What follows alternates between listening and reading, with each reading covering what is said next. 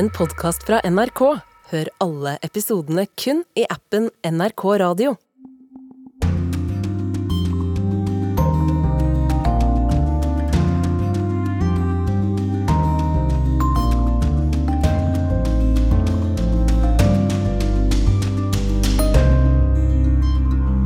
«2022 er året da krigen kom til Europa. Det var jo en følelse av at nå skjer historie. At dette kommer til å endre Europa. Så det var en følelse av stor dramatikk. Vår reporter var i Kyiv da Vladimir Putin sendte sine soldater over grensen til Ukraina. Land etter land skrudde ned på lys og varme mens strøm- og gassprisen for i været. Det var også året da verdens lengstregjerende monark døde. Unge som tørket tårene. Barn som trengte trøst av foreldrene sine. Det ble mitt farvel med dronning Elisabeth. Ja, dette var noe av det som skjedde i 2022. Bli med oss i utenriksredaksjonen på et gjenblikk på året som har gått. Jeg heter Marit Kolberg. Hvis det er noe som virkelig har preget dette året, så er det det som skjedde i Ukraina den 24. februar. Russland invaderte Ukraina i natt. Rakettåtak mot Kyiv og flere byer. Jeg våknet for et par timer siden av dype drønn ganske langt unna. Siden da så har det vært et tjuetalls eh, eksplosjoner. Nå hører vi at eh, det høres ut som eh, flyalarmen går, eller det går i hvert fall en slags alarm bak meg. Vi er litt usikre på hva det er. Vi vet også at eh, andre steder, i mange mange andre byer i Ukraina, har vært angrep, bl.a. mot Odessa, som er da en viktig eh, havneby ved Svartehavet. Mariupol likeså inne i Asav Azovhavet. Eh, det ligger innenfor Donbas-regionen. Eh, Kharkiv, Dnieper. Eh, her har det vært angrep i mange, over mange, mange ukrainske byer. Ja, Disse bynavnene var jo nye for oss for noen måneder siden, men nå kjenner vi dem langt bedre. Og du var altså i Kyiv denne morgenen, kollega Groholm. Hvordan var det å stå der? Det var, jo en, det var jo en følelse av at nå skjer historie at dette kommer til å endre Europa. Eh, av dramatikk, av eh, usikkerhet, kom, eh, kom, flyene til angrepet der vi sto og sendte fra, i nærheten av Maidan-plassen. Uh, det visste vi jo ikke. Og da jeg litt senere på dagen etter en sending gikk ned for å, for å sjekke med andre på hotellet, så viste det at alle de ansatte hadde flyktet fra hotellet. Så det var en følelse av stor dramatikk. I ukene fram mot dette og i månedene fram mot dette, så hadde det jo skjedd en gedigen mobilisering. Men likevel så var det mange som trodde at ikke det ville komme noe angrep fra den russiske siden? Ja, altså det var jo nesten ingen vi snakket med i Kiev. Jeg var der et par uker før krigen startet. Eller denne delen av krigen, da. Eh, det var nesten ingen som trodde at eh, Russland kom til å angripe eh, de store byene, at det kom et, en storkrig. De kunne bare ikke tro det. Og et bilde på det var jo at Sivilforsvaret ikke hadde øvd på flyalarm. Eh, vi snakket jo med folk derfra som aldri hadde øvd. De sa vi kommer til å sende biler med megafoner rundt hvis det er fare for flyangrep. Nå skjedde jo ikke det, da vi hørte jo flyalarmen faktisk gikk. Men det var, eh, det var en følelse av at dette kan ikke skje, og så skjedde det.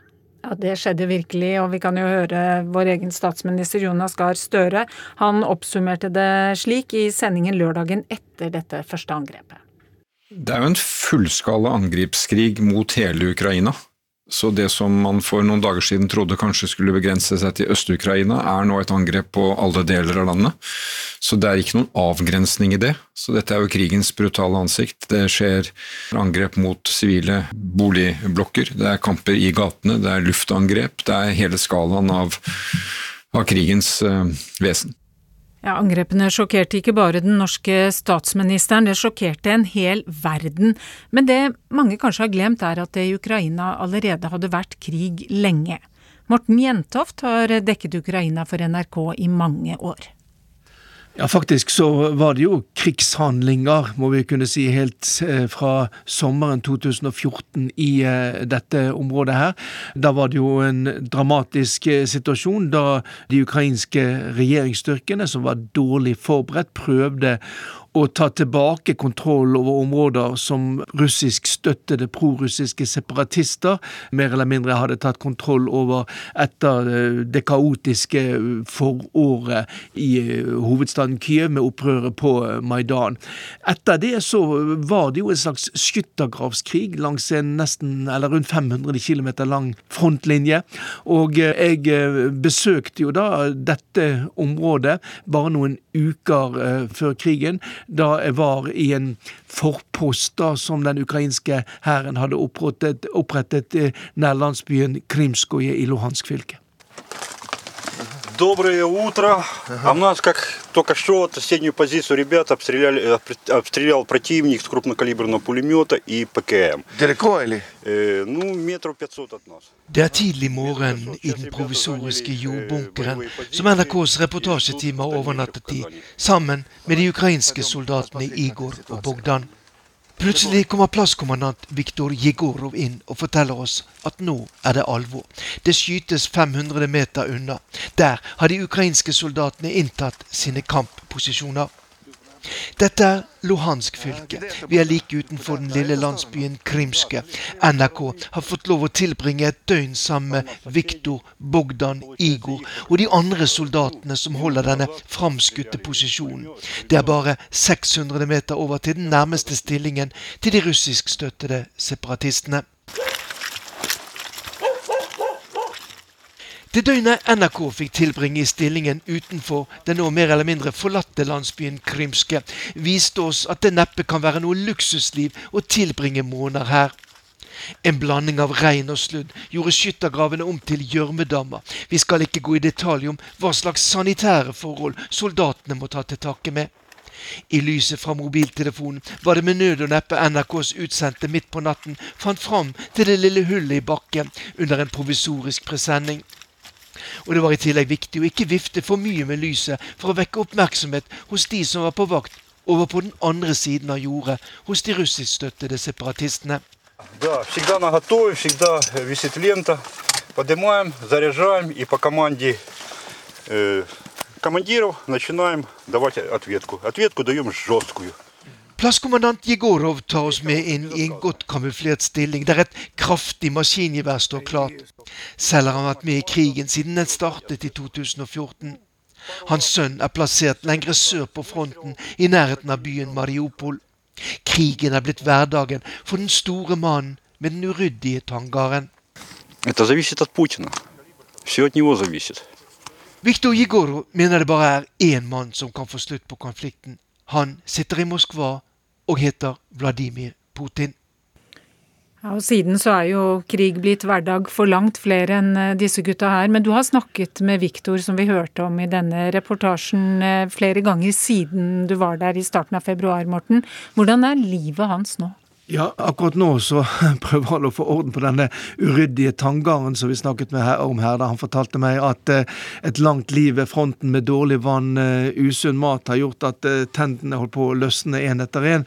Så han har jo da overlevd, men det var jo sterkt for meg å høre dette igjen, fordi at både Igor og Bogdan, da som NRK overnattet sammen med nede i en slags sånn provisorisk bunker, de er da sannsynligvis døde i løpet av det året som krigshandlingene har pågått. Sånn at eh, denne, denne krigen har jo vært eh, usedvanlig brutal og blodig, og hvor mange tusener ukrainske soldater, for ikke å snakke om russiske soldater, som har mistet livet siden den gangen vi var i, i skyttergraven i begynnelsen av februar, det er det jo ingen som har full oversikt over. Men det er ikke bare soldatkamerater Viktor har mistet. Vi skal høre litt hva han har fortalt deg. Ничего не известно, подключили уже и иностранных там э, людей, которые э, занимаются обменом пленными. Det her eh, forteller jo Viktor om, om, sønnen sin Denise, da, som jo eh, var soldat, som har fortalt i denne reportasjen i Mariupol. Eh, I Mariupol så ble jo de uh, ukrainske styrkene ganske raskt omringet av overlegne uh, russiske styrker, og Viktor vet rett og slett ikke hva som har skjedd med, med Denise. Er han død? Er han tatt til fange? Han er i alle fall ikke blant de som så langt da er utvekslet. Det har jo vært utvekslinger mellom de de ukrainske og russiske styrkene. Dette er et veldig sårt punkt også i Ukraina. De etterlatte mener at de ikke vet helt hvordan dette foregår. Hvem er det som blir utvekslet, hvem er det som har påvirkning på denne prosessen. Men i alle fall, Denise eh, Jegorov, sønnen til Viktor, han er ennå ikke kommet hjem, verken død eller levende. Du har vært tilbake flere ganger etter at eh, den selve krigen eh, startet i februar. Det må være veldig forskjellig fra hvordan folk har det, avhengig av hvor i landet de bor? Det er veldig store, store forskjeller. Er du i eh, den vestlige delen av landet, hovedstaden eh, Kiev, så har, jo, har det i hvert fall i lange perioder da vært relativt rolig. Det er litt forandret nå når russerne har satt i gang disse massive angrepene med raketter og droner, som jo har, har slått ut elektrisitetsforsyningen mange steder. Men det er veldig store forskjeller. Det er da først og fremst i øst fra Kharkiv og mot uh, Donbas-området, og så da nedover mot uh, Zaporizjzja, Kherson. Uh, kampene har, har, pågått, og der er det jo krigssoner, ødeleggelser som er nesten totale veldig mange steder, mens i andre deler av Ukraina så, så går jo livet en slags vantegang, men hele landet er jo naturlig nok påvirket av denne situasjonen. Jeg har ofte sagt at hele samfunnet er sagt på vent. Det er jo ingen som investerer, det er jo ingen som tør å satse. Man lever jo i nuet, man prøver å overleve akkurat nå. Men eh, samtidig så er jo ukrainerne stolt over at det ble ikke noe av et tredagers felttog, slik som Vladimir Putin og, og, og, hans generaler hadde håpet på. De har klart å stå imot da dette massive russiske angrepet, men prisen den er jo altså usedvanlig høy. Krigen har selvfølgelig endret livet for det ukrainske folket, men striden har endret hverdagen også utover landets grenser, ikke minst har de økonomiske ringvirkningene blitt store. Det skyldes bl.a. blant annet økte strøm- og gasspriser. Og da kampene startet, måtte EU-landene bli enige om sanksjoner og straffetiltak. Det forteller korrespondent Simen Ekern. Vi så jo eh, en lang rekke møter som kom ganske raskt etter hverandre, der man eh, fryktelig raskt bestemte seg for sanksjoner, og med en helt annen kraft og kanskje også en helt annen enighet enn det mange hadde forutsett. Kanskje også mer enighet enn det Vladimir Putin hadde forutsett. For eh, ikke minst fra EUs side da, så dukket det opp sanksjoner som var koordinert med USA, og de handlet jo om alt fra bankvesenet, Russlands tilgang på internasjonale finanssystemer, hvordan russiske kredittkort skulle slutte å virke i utlandet, så handlet det om hva Vesten skulle slutte å eksportere til Russland, eh, naturligvis. Særlig da hva gjaldt eh, høyteknologisk utstyr eh, som man mente ville forhindre dem i å videreutvikle sine våpensystemer, sine fly. Flyreiser ble jo sanksjonert. I tillegg og det som kanskje vel har hatt størst innvirkning på eh, Europa eh, selv, da, eh, så handlet det jo om sanksjoner på europeisk kjøp av russisk olje og gass. Og det er jo der man har sett store konsekvenser, bl.a. på prisen på gass og på drivstoff, og effektene det har hatt på inflasjonen i Europa. Dette visste man jo kom til å få en effekt på Europa. Eh, daværende statsminister Mario Draghi eh, sa det ganske tidlig. Vi må velge mellom aircondition hjemme og fred i Ukraina. Og det var et dilemma, og det dilemmaet har jo bare vokst seg sterkere jo lenger krigen har vart. Men konsekvensene de så man eh, på gateplan. I, I, Tyskland var man tidlig ute med å skru av vannfontener og flomlys eh, på offentlige bygg. Eh, og det handlet om konsekvensene for energikrevende industri i Europa, og særlig i Tyskland, som nå måtte tenke nytt. Det er nesten 30 grader i lufta, og da er det like greit at svømmebassenget her ved Riklinger bad i Hannover ikke lenger varmes opp. Ikke er det varmt vann i garderobedusjene heller. I'm okay with it because I think we all should contribute uh, to this situation. There is a big war.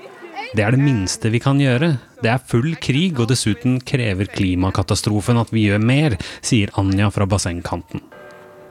Tiltakene i byen er en del av krisepakken myndighetene innførte tidligere i sommer, og de inkluderer avstengte fontener, temperaturrestriksjoner i offentlige bygg og en slutt på flombelysning av byens landemerker, som det flotte rådhuset.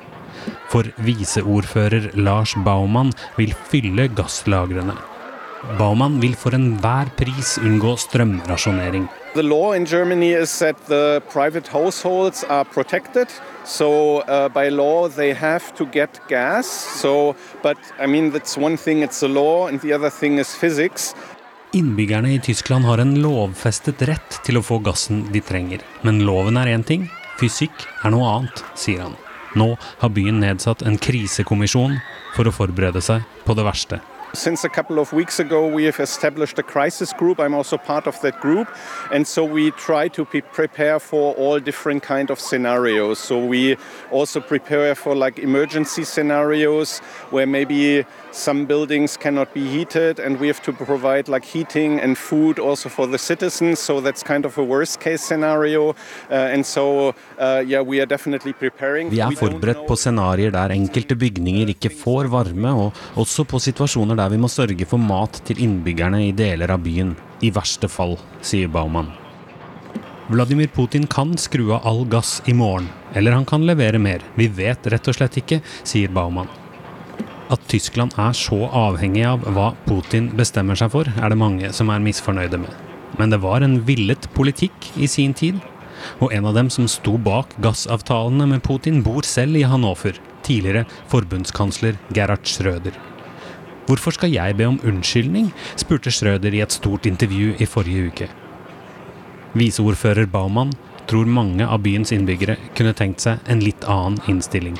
I think the public opinion is definitely against Gerhard Schröder, yeah, who is a citizen of the uh, of the city of Hanover, uh, and so I mean I can only say like most people, yeah, I talk like in my friends' family, uh, and they dislike like the position he's taking, and that he's. De fleste jeg snakker med blant venner og familie er negative til den tidligere forbundskansleren, og særlig til at han opprettholder sitt vennskap med herr Putin, sier Baumann. Nå må Tyskland spare og lete etter andre energikilder. De inkluderer gamle kullkraftverk som fyres opp igjen. Myndighetene vurderer å holde atomkraftverkene gående lenger enn planlagt, og håper på mer flytende gass fra land som Norge. Men det haster. De kalde dusjene kommer til å bli litt mer hustrige senere i høst, når det ikke lenger er badebuksevær i Hannover. Ja, dette var i august. Men så smalt det i Østersjøen i september. Ja, Dette er jo da rørledninger som ligger på, på havbunnen og som er ganske vanskelig å komme til. Det er også seismologer som sier at det er lite som tyder på at det har vært eksplosjoner eller type jordskjelv i havbunnen. De to tingene lagt sammen med at man vet at det er en politisk spent situasjon rundt disse rørledningene, det gjør at mange statsledere har gått langt i dag med å konkludere at det er sabotasje. Man arbeider jo nå da med å prøve å få stanset, eller finne ut hvordan man kan stanse lekkasjen. Det er store lekkasjer som skjer, og det er samtidig også sagt da fra myndighetshold at det er farlig å bevege seg i området. Man har opprettet en stor sikkerhetssone rundt lekkasjen, men de understreker samtidig at det f.eks. ikke er fare for liv og helse hos innbyggerne på den danske øyen Bornholm, som ligger midt i Østersjøen her. Dette var kollega Joakim Reikstad på båten på vei ut til Bornholm etter at det altså hadde skjedd en eksplosjon i gassrørene som brakte russisk gass til Tyskland. Og da gassleveransen ble strupet, så steg jo prisene enda mer. Og ikke minst så førte det også til en intens krangling i EU-landene. Og den kranglingen, den fulgte du, Simen? Ja, for det var jo sånn eh, i mange EU-land at kravet om at politikerne måtte gripe inn og gjøre noe med disse høye gassprisene, det vokste. Og så er jo ikke det noe enkel ting å gjøre. Mange land, særlig i Nord-Europa, inkludert Norge, da, advarte mot eh, å, å, gripe inn i markedene. Det man var redd for, var at hvis politikerne skulle inn og styre denne prisen, så ville det påvirke eh, gassleveransen, og kanskje i siste instans føre til at man fikk enda mindre gass i Europa. Men for mange andre eh, politikere så var dette et krav fra velgerne som de var nødt til å virke handlekraftige eh, for å, å, få gjennom. Og, og, dermed så kom da denne store diskusjonen om et pristak på gass. Og etter eh, en hel lang rekke møter i EU så ble man enige om det som nå ikke lenger het et pristak, men en markedsregulerende mekanisme som skal eh, tre i kraft i februar så får man se da hva effektene av det blir, og, og om det noen gang kommer til å tre inn dette eh, tak, denne taklignende konstruksjonen. Men det var en debatt som, som virkelig viste også hvor eh, forskjellige innfallsvinkler man har i Europa. men at man da likevel klarte å komme fram til et eh, kompromiss, og så gjenstår det å se hvor bra det kompromisset fungerer.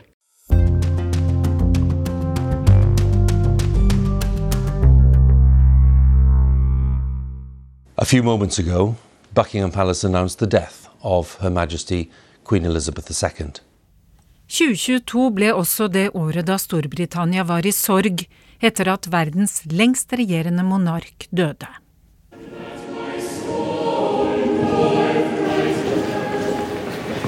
Jeg må innrømme at jeg er usikker på om jeg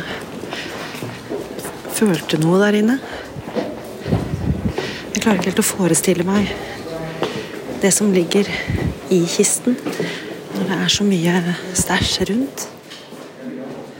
Men jeg ser jo at folk ble veldig beveget. Mange som tørket tårene. Barn som trengte trøst av foreldrene sine. Det ble mitt farvel med dronning Elisabeth.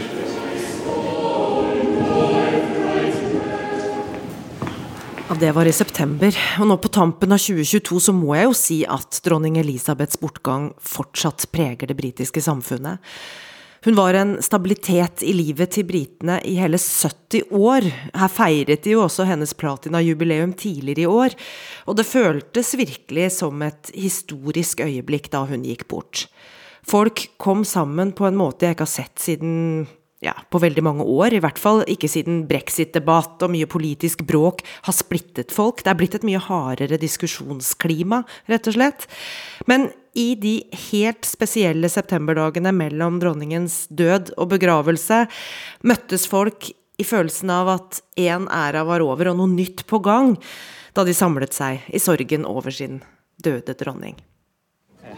Very emotional. Very, very emotional. Why? Because it's the end of an era. Well, she's been the rock to this country. Det er veldig, veldig følelsesladet. Slutten på en æra. Hun var en klippe for dette landet, sier Christine Wardle.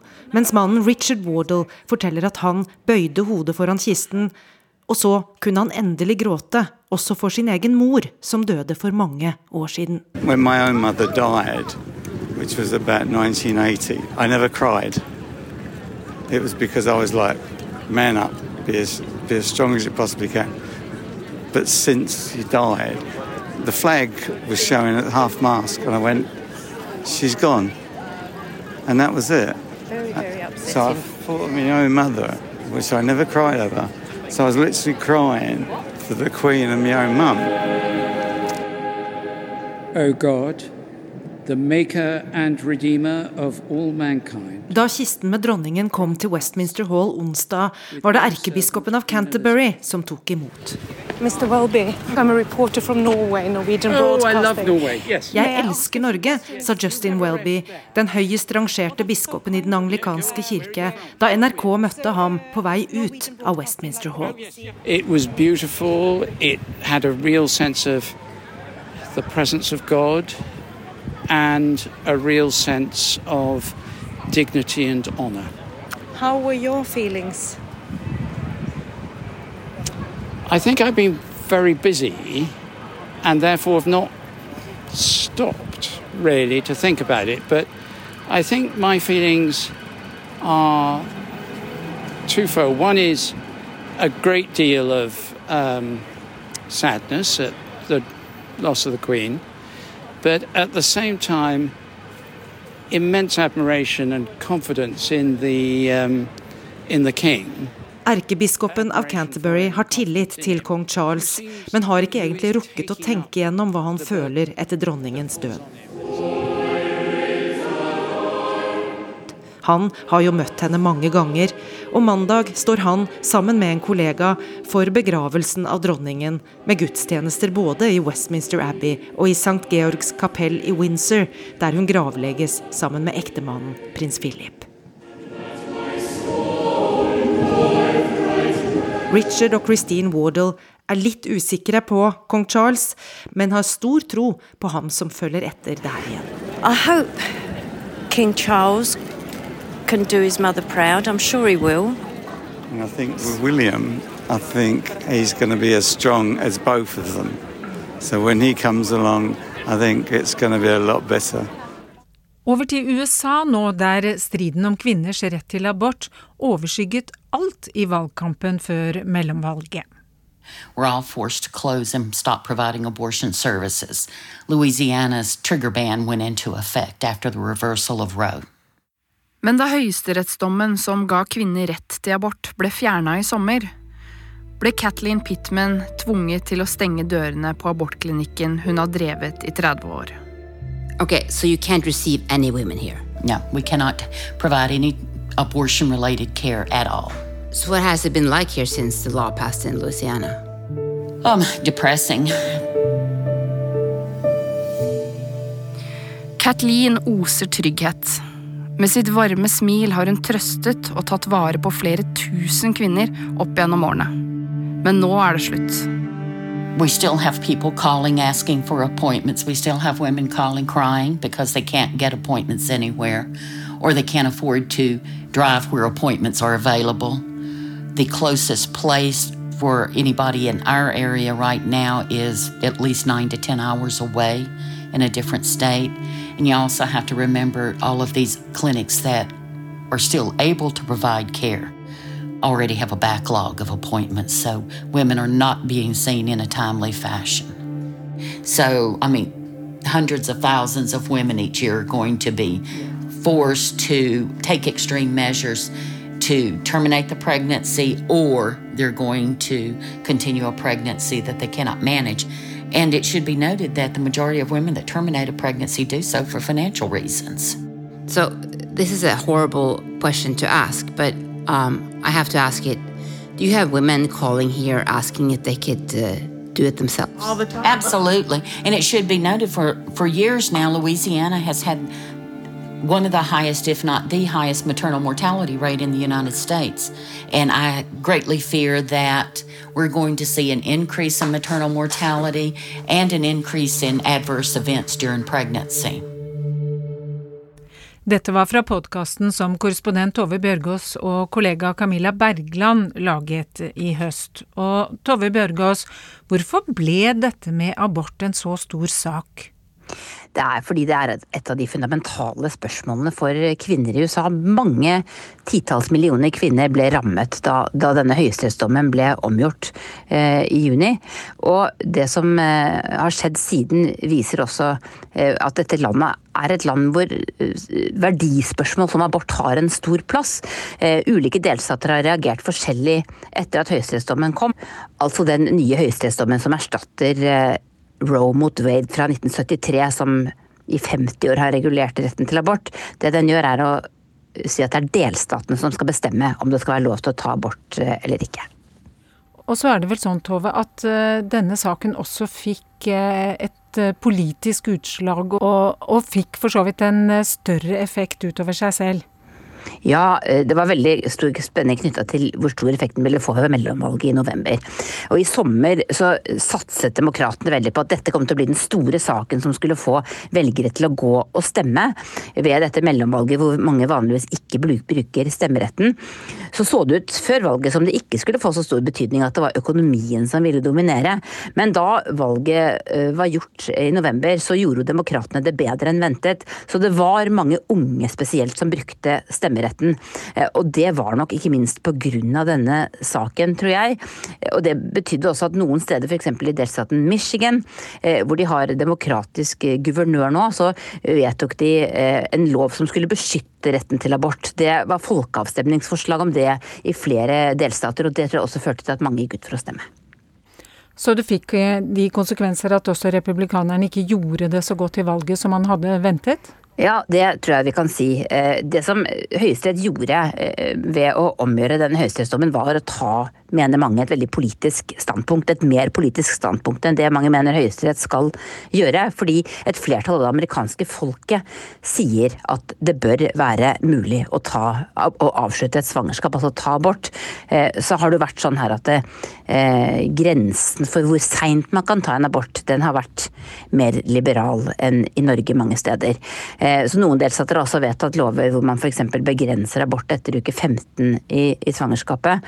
Eh, men, men, hvis du spør alle amerikanere, så, så, så, et, altså, så er et flertall uenig med det Høyesterett eh, bestemte seg for å gjøre i denne saken. Men kan vi likevel vente at det vil bli strengere i flere delstater framover? Ja, nå har det gått seks måneder siden dette skjedde, og i 14 delstater i USA så er det nå nærmest umulig å ta abort. Og det er jo stort sett eh, mer konservative delstater hvor republikanerne styrer. Mange av dem hadde lover klare allerede da høyesterettsdommen eh, kom. Så det har blitt mye vanskeligere. Ja. men det fortsetter å være kamper mange steder. Noen steder har man vedtatt lover som beskytter retten. Andre steder er det søksmål og debatt. Eh, I delstaten Kansas, eh, hvor republikanerne også hadde håpet på seier, så var det en folkeavstemning om å endre grunnloven for å gjøre det ulovlig å ta abort. Det forslaget falt, så der er det fortsatt tillatt med abort. Så jeg tror denne debatten kommer til å fortsette å bølge i, i, i, en, mange år Eh, framover, akkurat slik som abortsaken gjorde det faktisk i, i 50 år etter 1973. På, på høyresida spesielt, altså blant kristne velgere på høyresida, så var det den store, store, viktigste hjertesaken for veldig mange i mange tiår. Og den hadde stor betydning for at eh, det vi kaller for den kristne høyresida i USA ble så, så stor og, og, og mektig. Så, så, dette her tror jeg kan bli en sak som, som vi skal fortsette å diskutere, og som fortsatt vil, vil, prege politiske skillelinjer og hvem som vinner valget i USA eh, i lang tid framover. Hva kan vi vente oss eh, fra Høyesterett i 2023, da? Da kan vi også vente oss store og viktige eh, saker. Eh, Høyesterett i USA har jo sånn et konservativt flertall, og det kan tenkes at de kommer til å begynne å se på f.eks. likekjønnede ekteskap, som de vedtok at skulle være tillatt i, i 2015. Og stemmerettsregler er også en sak som kan komme opp til neste år. Vi forflytter oss til Kina og Beijing, der korrespondent Philip Lote fulgte noen ganske uvanlige demonstrasjoner denne høsten. Akkurat nå så er politiet sendt inn eh, flere uh, politifolk, og vi kan se at uh, de holder på å be oss om å flytte oss. Det er en hard kjerne igjen av de som har da demonstrert her i Beijing i kveld. Det begynte jo med en vake til minne om de som døde, brannofrene vest i Xinjiang for noen dager siden, som døde pga. det folk der sa var at brannmannskaper ikke kom frem pga. koronarestriksjoner. Så har det spredt seg til hele Kina. Philip Lote, hva var det som gjorde at folk turte å gå ut i gatene og protestere på denne måten?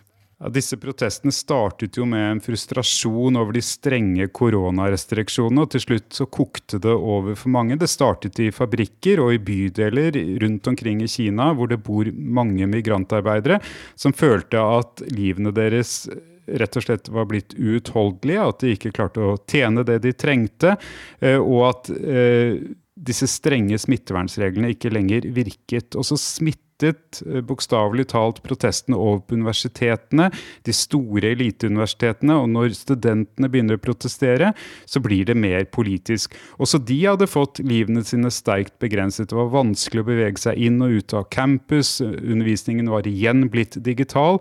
Men deres protest ble også en politisk protest og en kritikk av regimet.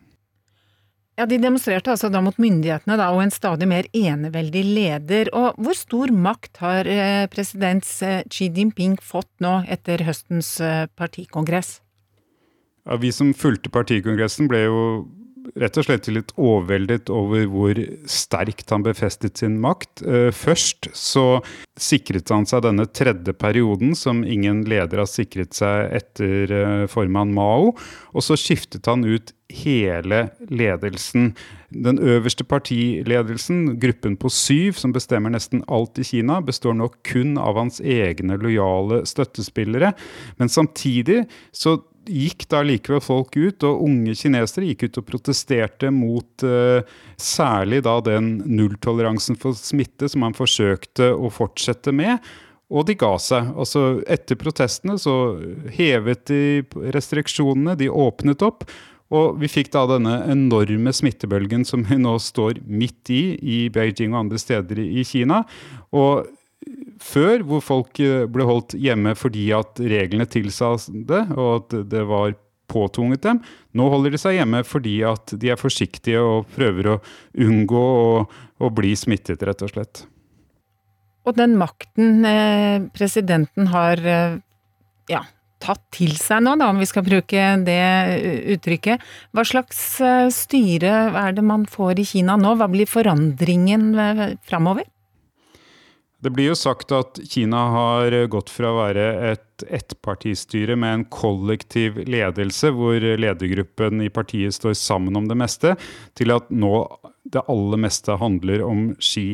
Det gir han selvfølgelig et ganske stort handlingsrom. Det gir også eh, han eh, et ganske stort ansvar. Og så blir det jo veldig spennende å se hvem det er. Hvem er det som han vil lytte til? Hvem er det som kan nå inn til president Xi når han har så mye makt i sine hender? Og vi lurer jo på hvem det er som Xi lyttet til til slutt, når han hevet de strenge smittevernrestriksjonene og gikk bort ifra nulltoleranse for smitte etter tre år. Er dette en person han vil lytte til i fremtiden, og vil han da også kunne ha mye å si for Kinas og skipolitikk på andre områder fremover? Men det er ikke bare i Kina at folk har reist seg mot et totalitært styre.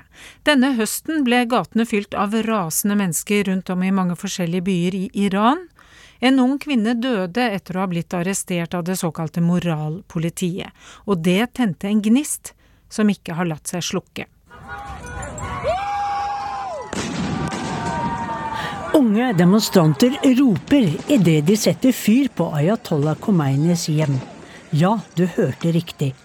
Barndomshjemmet og museet for å hedre lederen av den iranske revolusjonen i 1979 ble ramponert og vandalisert sist uke. Intet viser tydeligere hatet mot prestestyret. Og intet viser bedre hvor uredde demonstrantene har blitt.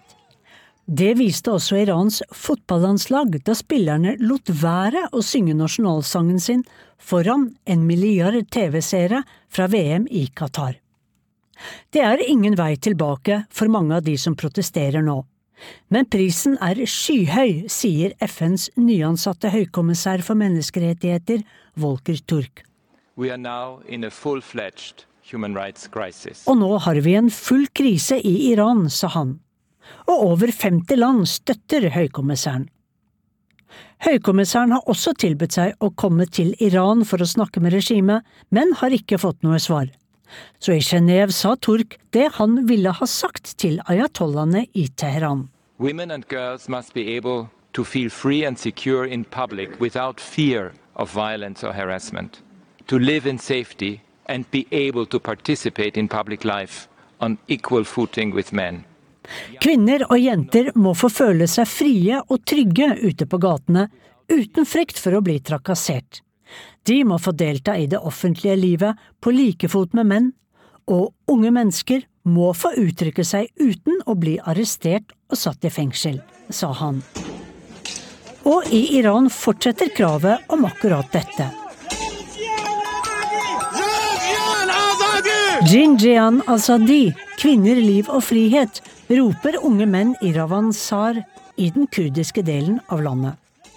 Vi ser dem på nok en uskarp mobilvideo sendt ut fra Iran fordi det er umulig for iranske og utenlandske pressefolk å rapportere åpent om det som skjer. Det var Sissel Wold som hadde laget denne reportasjen. Tidenes mest omtalte, eller kanskje mest omstridte idrettsarrangement ble det kalt, fotball-VM i Qatar. Oppvarmingen kunne nok vært bedre.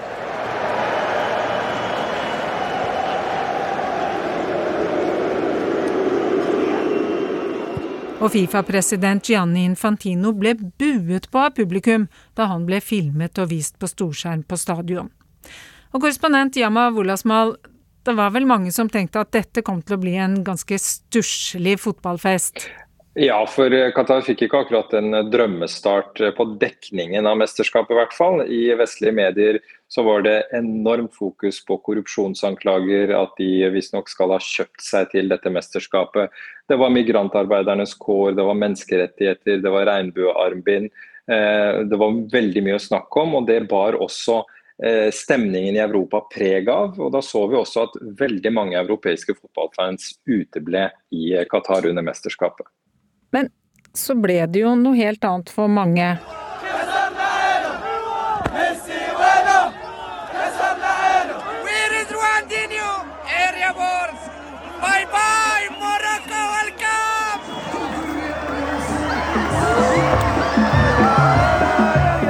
Tross for at mange vestlige sa de ville boikotte, så ble det jo en folkefest for mange andre, og et afrikansk land kom jo til og med for første gang til eh, semifinalen. Og Yama, hvordan var det å være der?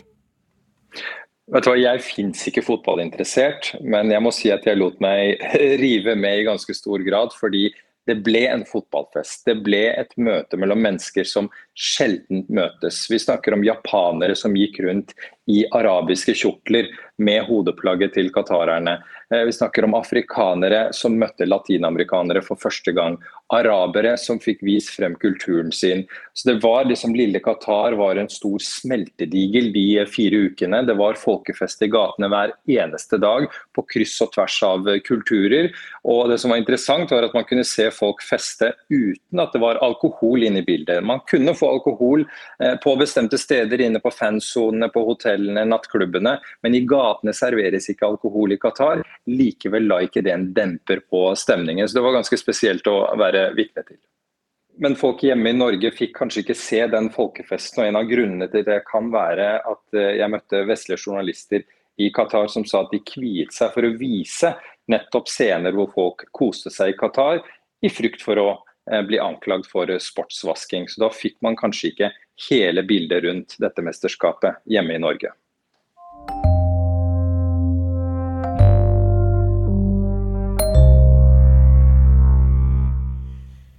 Vi skal tilbake til krigen som har rystet Europa igjen. For selv om angrepene har endret hverdagen fullstendig i Ukraina, og selv om krigen har hatt ringvirkninger både i Europa og andre land i verden, så har den selvfølgelig også påvirket hverdagen i Russland. Og i ukene etter invasjonen gikk russerne ut i gatene i protest. Нет войне! Нет войне! Нет войне! Men det varte ikke lenge. Protestene ble nemlig slått hardt ned på. I dag er Gro Holm vår korrespondent i Russland, og hun sier det ikke er lett å være helt sikker på hva den jevne russer synes om Putins krig. Jeg har en anelse, men jeg er på ingen måte sikker om at fler at flertallet støtter Putin og støtter krigen, sånn som eh, de få meningsmålingene som nå foretas, eh, tyder på. Eh, fordi folk er så redde for å si hva de mener. Og det opplever jeg selv også, at det er ehm, det å få intervjuer med folk. Hvis ikke du liksom tar dem på gata og bare ber om fornavnet, det er, eh, det er fryktelig vanskelig. Eh, og eh, veldig mange meningsmålinger foregår på telefon. Eh, når man ringes opp på telefon, så vet jo de at myndighetene kan spore tilbake hvilke telefoner som blir oppringt. Og ha navn, adresse, hvor du jobber hen. Altså all sånn type data. Det kan jo myndighetene få tak i. Så de er veldig engstelige, og det er en veldig følelse av at eh, det er ører i alle vegger. Hva risikerer de hvis de blir på er tatt i å protestere? Ja, de Altså, det å gå ut og kalle det krig og kritisere russiske eh, soldater som nå eh, kriger i Ukraina, er jo forbundet med en mulig straff opptil 15 år. Hvis man går åpent ut. Det avhenger nok litt av hvem du er og hvor du gir uttrykk for det, men opptil 15 års fengsel. Så det er straffbart. Um, og, og, og, dessuten så risikerer du, hvis du har barn, ikke sant, at barna dine også blir rammet. At de kanskje ikke kommer inn på den utdannelsen, ikke får den jobben de ellers kunne fått. Så vi er tilbake eh, til på en måte sovjettiden når det gjelder personlig risiko. Ja, det er nesten, tror jeg, det føles nesten som det er enda verre nå. Og øh, veldig mange yngre russere har jo aldri opplevd hvordan det var å leve i Sovjetunionen, så for dem er dette første gangen det skjer. Og de er vant til å kunne ha tilgang til alle mulige internettsider, lese alt mulig på nett, ikke sant, og kommunisere fritt. Og nå er folk mer forsiktige. Ja, Jan Espen Kruse, du var jo Moskva-korrespondent i flere år før Gro, og helt ute til september i år. Og du så jo også noe av denne innstrammingen som vi hører henne snakke om her. Ja, Gro snakker jo om eh, resultatet av det som har skjedd etter at krigen startet i februar. Men jeg starta jo som korrespondent fire år før dette, altså jeg var ferdig i september i år. Eh, og jeg så jo denne dramatiske endringen som skjedde i, i, i Russland. Da jeg begynte min periode der så var det jo en autoritær eh, styreform. Men eh, skruene ble jo strammet så kraftig til. Men det skjedde så eh, gradvis i løpet av eh, disse årene. Så, så, begynte man å forby noe type sosiale medier, og så forbød man det ene og det andre. Og så ble det altså eh, veldig, veldig mye vanskeligere. Folk som jeg til å begynne med i perioden kunne snakke med, eh, intervjue, vi fikk til avtaler hjemme hos folk. Alt dette her ble bare verre og verre å få til. Og som Gro sier, folk ble mer og mer redde. Så det er jo det som jeg også tenker Jeg var jo korrespondent også i, på slutten av Sovjetunionen, på 90-tallet, begynnelsen da. Og eh, det sitter litt i russerne, denne frykten eh, for hva diktaturet, hva de eh, lederne på toppen kan komme til å finne på. Hva kan det gjøre med deg?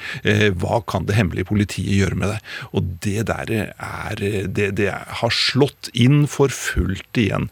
Og, og resultatet er jo tragisk for hele befolkningen. Som du nevnte, Jan Espen Kruse, så har du vært eh, korrespondent i Moskva to ganger. Og ditt forhold til Russland, det har du jo skrevet litt om i et av de mange korrespondentbrevene som vi har sendt ut i løpet av året. Her hører vi jo ofte personlige opplevelser og betraktninger fra dem vi har på jobb ute i verden. Og nå skal vi høre litt av Jan Espens farvel med vår store nabo i øst. Det er tid for å snakke om følelser. Det gjelder tross alt et forhold som har vart i 49 år. Det gjelder naturligvis mitt forhold til Russland. Det har gått litt opp og ned gjennom mange år, som de fleste forhold, men det har alltid vært en av de viktigste kjærlighetshistoriene i mitt liv. Jeg havnet i Moskva første gang ved en tilfeldighet. Som elev på videregående på Hønefoss deltok jeg i en stilkonkurranse, der premien var en reise til St. Petersburg og Moskva ved nyttår. Det gjorde et voldsomt inntrykk. Kremls tårn og murer, varemagasinet Gom, Vasilikatedralen, Lenins mausoleum, historisk museum og brosteinen over hele plassen. Det er nesten umulig å ikke kjenne historiens sus på dette stedet. Uansett hvor mange ganger jeg går inn på Den røde plass, så føler jeg at det er helt spesielt. Denne byen og dette landet har en så utrolig dramatisk historie. Det beveger seg fra den ene ytterkanten til den andre. En gyllen middelvei ser ikke ut til å være et særlig fristende alternativ for Russland og russerne. Dessuten skjer det hele tiden noe overraskende, noe jeg med min lange erfaring fra Russland antagelig burde ha forutsett, men likevel sliter med å få til. Og i februar i år gikk altså Russland til krig mot Ukraina. Det forandret det aller meste i mitt forhold til Russland og russerne. Jeg har alltid beundret russernes nysgjerrighet, deres interesse for eget og andre land, og deres forkjærlighet for den gode samtalen. På mine reiser rundt om i landet har jeg mange ganger fått høre følgende Er du fra Norge? Så spennende! Kan vi ikke slå av en prat? Det er så mye jeg gjerne skulle spørre deg om. Nå er det bare noen ytterst få av mine bekjente som tør å føre en meningsfull samtale med en utlending som meg. Når vi spør vanlige russere om et intervju, sier de fleste at de ikke vil. De er redde for å få problemer på jobben. Unge mennesker frykter at de kan miste studieplassen hvis de sier noe myndighetene ikke liker. Kanskje er mange russere nå igjen redde for hva fremtiden vil bringe. På meg virker det i hvert fall som om frykten har overtatt i det Russland jeg kjente. Og jeg føler at krigen har fått veldig mye av det landet jeg har elsket og vært fascinert av siden jeg var 17 år, til å bli borte.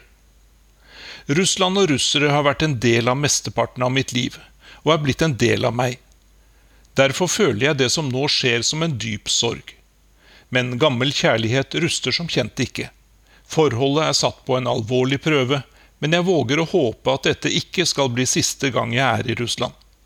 Det ser ikke så lyst ut akkurat nå, men jeg og mange med meg har tatt feil før om dette gåtefulle landet.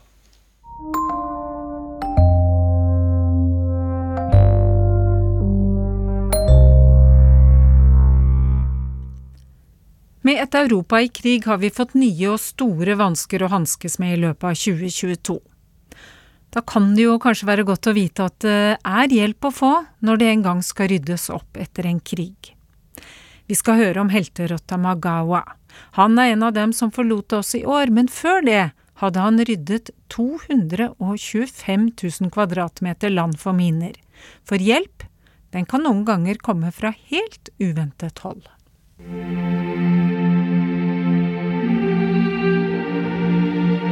Heroes come in all shapes and sizes, but all of them have big hearts and brave spirits. Helter kommer i alle former og størrelser, blir det sagt i denne videoen. Og helten i denne historien er ikke store karen. This is the very first time in our 77 year history of honoring animals that we will have presented a medal to a rat. For første gang får en rotte vår medalje, sier John Smith og forteller om Magawa. Smith er styreformann i PSDA, en britisk forening for dyrs velferd. I videoen presenterer de Magawa. For halvannet år siden fikk han medalje for sin årelange innsats i minefelt.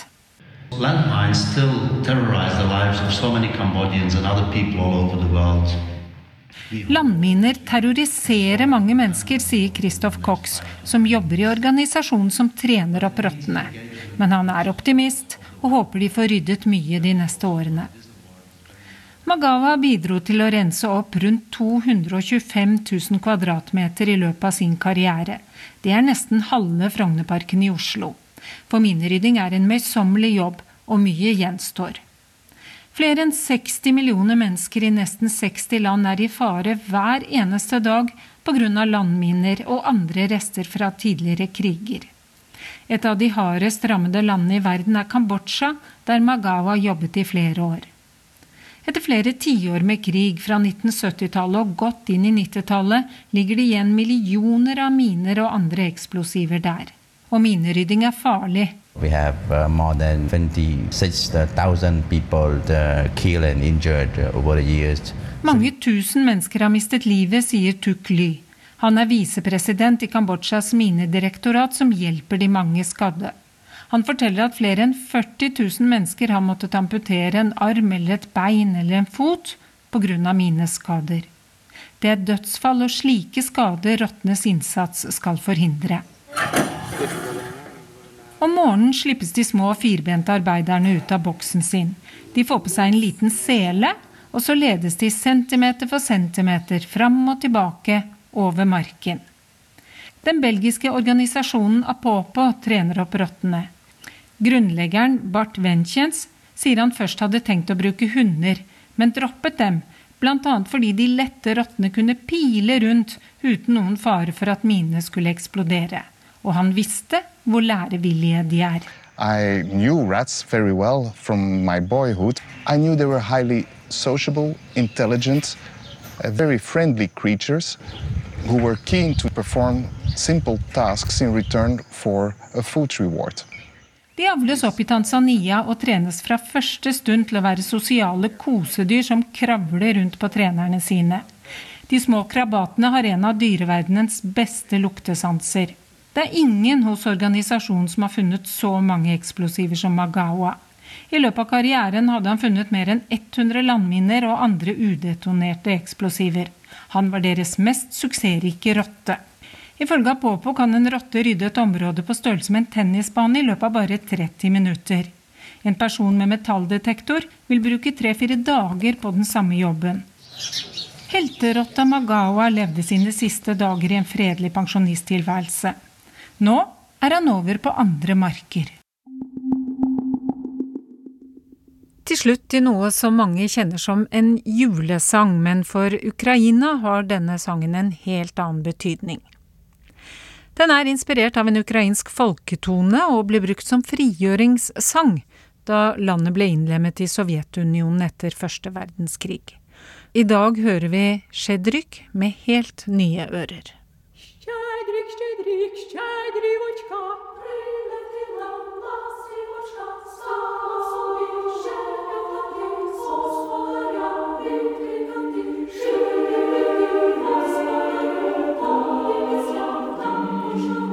там овечки покотились, края мішки народились, тебе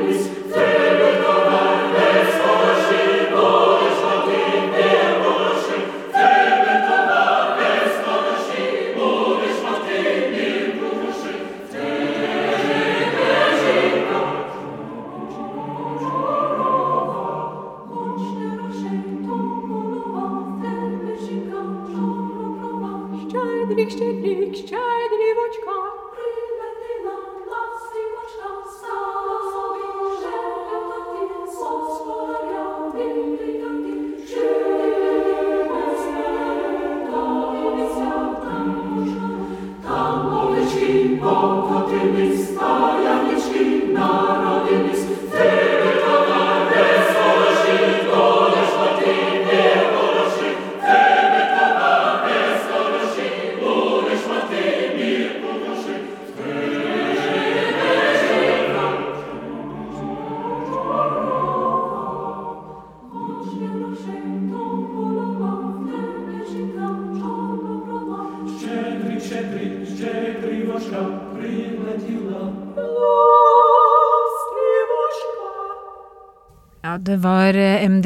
Radiokor fra Leipzig som sang eh, ukrainske Sjedryk.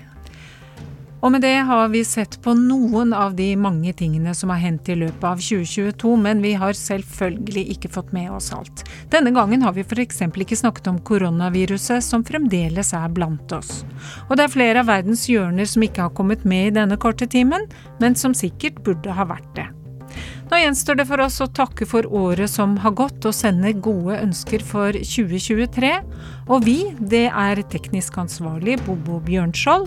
Produsenter har vært Arne Fossland og Tore Moland. Og jeg, Marit Kolberg, som har fulgt deg på denne vandringen gjennom 2022, sier takk for nå.